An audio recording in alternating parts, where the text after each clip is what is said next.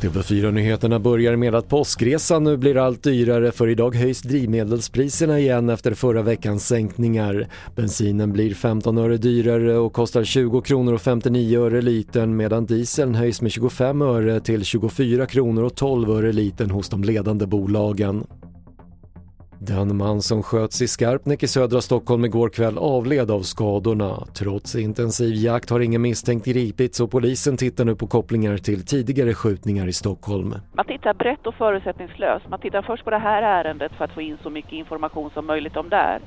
Sen kommer man alltid titta på pågående utredningar eller eventuella konflikter i vår region Stockholm så se om det har bäring på det eller något annat. Det sa Tove Hägg på polisen.